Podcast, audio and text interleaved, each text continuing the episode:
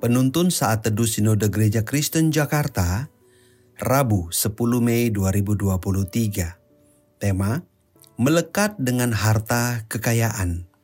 Nats Alkitab terambil dari Matius 19 ayat 16 sampai 22. Ada seorang datang kepada Yesus dan berkata, "Guru, perbuatan baik apakah yang harus kuperbuat untuk memperoleh hidup yang kekal?" Jawab Yesus, Apakah sebabnya engkau bertanya kepadaku tentang apa yang baik? Hanya satu yang baik. Tetapi jikalau engkau ingin masuk ke dalam hidup, turutilah segala perintah Allah. Kata orang itu kepadanya, Perintah yang mana? Kata Yesus, Jangan membunuh, jangan bersina, jangan mencuri, jangan mengucapkan saksi dusta. Hormatilah ayahmu dan ibumu, dan kasihilah sesamamu manusia seperti dirimu sendiri. Kata orang muda itu kepadanya, Semuanya itu telah kuturuti, apalagi yang masih kurang?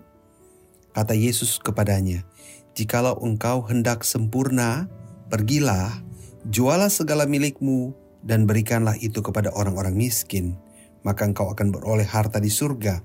Kemudian datanglah kemari dan ikutlah aku. Ketika orang muda itu mendengar perkataan itu, pergilah ia dengan sedih sebab banyak hartanya. Penyair bernama Arne Garboh berkata, Anda bisa beli makanan, tapi bukan nafsu makan. Obat tapi bukan kesehatan. Tempat tidur nyaman, tapi bukan tidur nyenyak. Pengetahuan, tapi bukan kebijaksanaan. Perhiasan, tapi bukan kecantikan.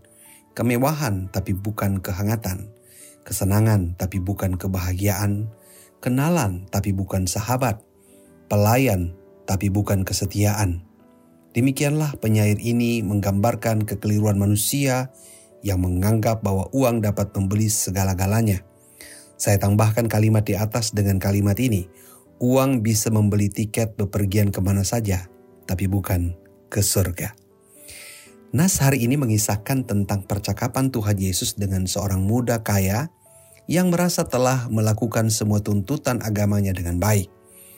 Percakapan yang seru ini diakhiri dengan pertanyaan Yesus yang ingin mengujinya. Yesus menyuruh orang kaya ini menjual semua hartanya, membagikannya kepada orang miskin, dan setelah itu mengikut Yesus. Sungguh tak terduga, orang yang sebelumnya menyatakan dirinya telah melakukan tuntutan agamanya dengan baik, ternyata tak sanggup mendengar pertanyaan ujian Yesus. Dalam kesedihan, ia pergi meninggalkan Tuhan Yesus sebab banyak hartanya. Ternyata harta orang muda ini menjadi penghalang dirinya untuk mengikut Yesus. Tampaknya ia mau mengikut Yesus, tapi ia tidak mau meletakkan kuasa atas harta kekayaannya di bawah otoritas Yesus. Saat Yesus menyuruhnya menjual harta dan membagikan hasil penjualan itu kepada orang miskin, sesungguhnya Yesus hanya ingin melihat kesungguhan perkataannya. Orang muda ini lebih berpihak pada hartanya ketimbang memikirkan untuk menjadi murid Yesus. Uang atau harta telah dijadikan sebagai penentu masa depan, bahkan mungkin sebagai penentu hidup dan mati orang muda ini. Saudara-saudara, tak sedikit orang yang mengaku ingin mengikut Yesus atau menjadi muridnya, namun enggan meletakkan harta kekayaannya di bawah otoritas Kristus. Sesungguhnya menjadi murid Kristus adalah sebuah penyerahan totalitas hidup, termasuk semua kepemilikan orang percaya – Artinya bahwa 100% hidup orang percaya adalah milik Allah. Pada saat kita menggenggam kuat harta dan kekayaan di bawah otoritas kita, maka kita hanya menyerahkan separuh hidup ini kepada Allah. Tak heran, banyak orang termasuk orang Kristen yang mengalami kekhawatiran pada saat sedang memiliki banyak harta kekayaan.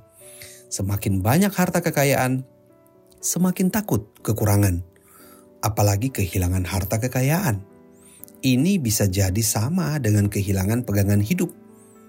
Kiranya kita menjadi orang percaya yang menyerahkan seluruh hidup kita di bawah otoritas Kristus.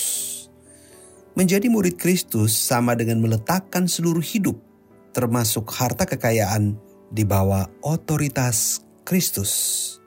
Tuhan Yesus memberkati.